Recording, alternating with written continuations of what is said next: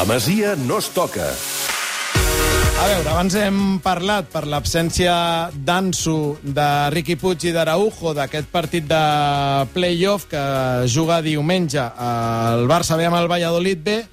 No hi serà un home eh, que ha estat anys i panys al futbol base del Barça i que formava part de, del Barça B fins fa, re, unes eh, setmanes. Guillem Jaime, bona tarda. Hola, bona tarda. Com estàs? Bé, molt bé. Altres?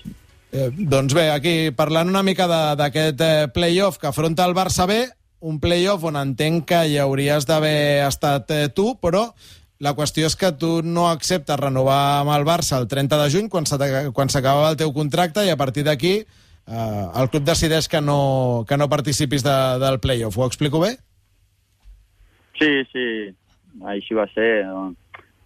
Eh, les negociacions anaven bé, però es van torçar al final i, bueno, eh, jo volia, eh, volia avançar com a jugador. Eh, ells em volien donar un any, jo volia dos més per estar al club i poder créixer al club, però no ha sigut així. Mm.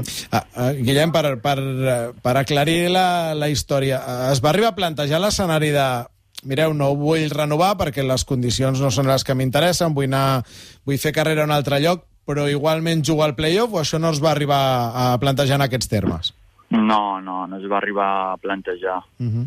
per, per tant, eh, bé, assumeixes que és part de, de com, ha- com s'ha desenvolupat aquesta temporada que no puguis jugar al, al play-off amb el filial.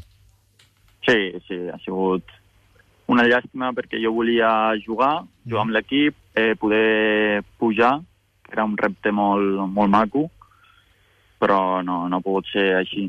Uh, Guillem, abans parlàvem de l'absència de, de Ricky, de- d'Ansu, de- d'Araujo. Eh, va curtíssima de- d'efectius la plantilla del B amb, amb la teva sortida, entre d'altres, aquest 30 de juny. Eh, veus eh, factible que, que l'equip del Pimi pugi?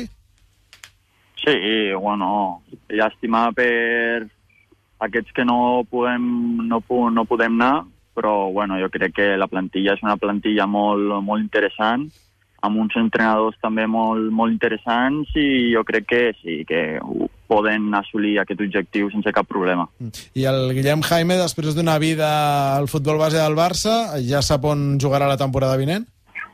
No, encara no. Ara estem esperant dos, dos setmanes a que acabi tot i poder mirar les ofertes que tenim amb tranquil·litat, amb la família i tomar, agafar la millor decisió per mi.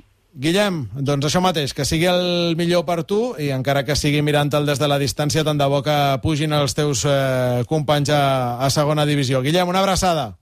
Vale, una abraçada. Bé, Oriol, aquesta de, de Guillem Jaime és la mateixa situació que han viscut altres companys com Sergi Puig, el porter, que no han renovat el contracte i per tant s'han quedat fora de, del play-off. S'entén, però és evident que debiliten la plantilla perquè queda molt curt d'efectius. S'en- S'entén a, a mitges. Vull dir, hi ha, hi ha molts jugadors de primera, segona divisió, inclús alguns de segona B que jugaran al playoff, que no continuen als seus respectius equips, però han ampliat eh, el contracte un mes, un mes i mig per poder acabar la temporada.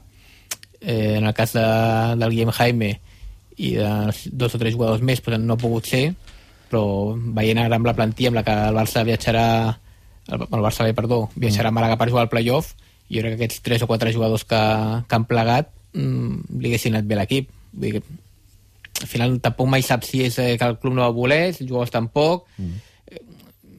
Per tant, no es, no es pot opinar sense saber exactament de qui és la culpa, però jo crec no, que... eh, pel, pel, que veig, pel que ha dit el Guillem és que no es va arribar ni a plantejar l'escenari. Jo pensava que, bé, doncs escolta, no continuaré quan s'acabi la temporada, però ja que he jugat tot l'any, doncs acabo. És Però en- en la gran no, major- no hi ha culpables perquè fa, pel que he entès Però ni, ni el club ni ell Però en aquest cas el Barça B ha sigut l'excepció, perquè excepte dos jugadors del, de l'Eibar, Sí. sí. L'Orellana i Escalante, i algun altre cas que ara no recordo, però la gran majoria de jugadors que acabaven contracte el 30 de juny i que l'any que ve no seguiran els seus equips, mm.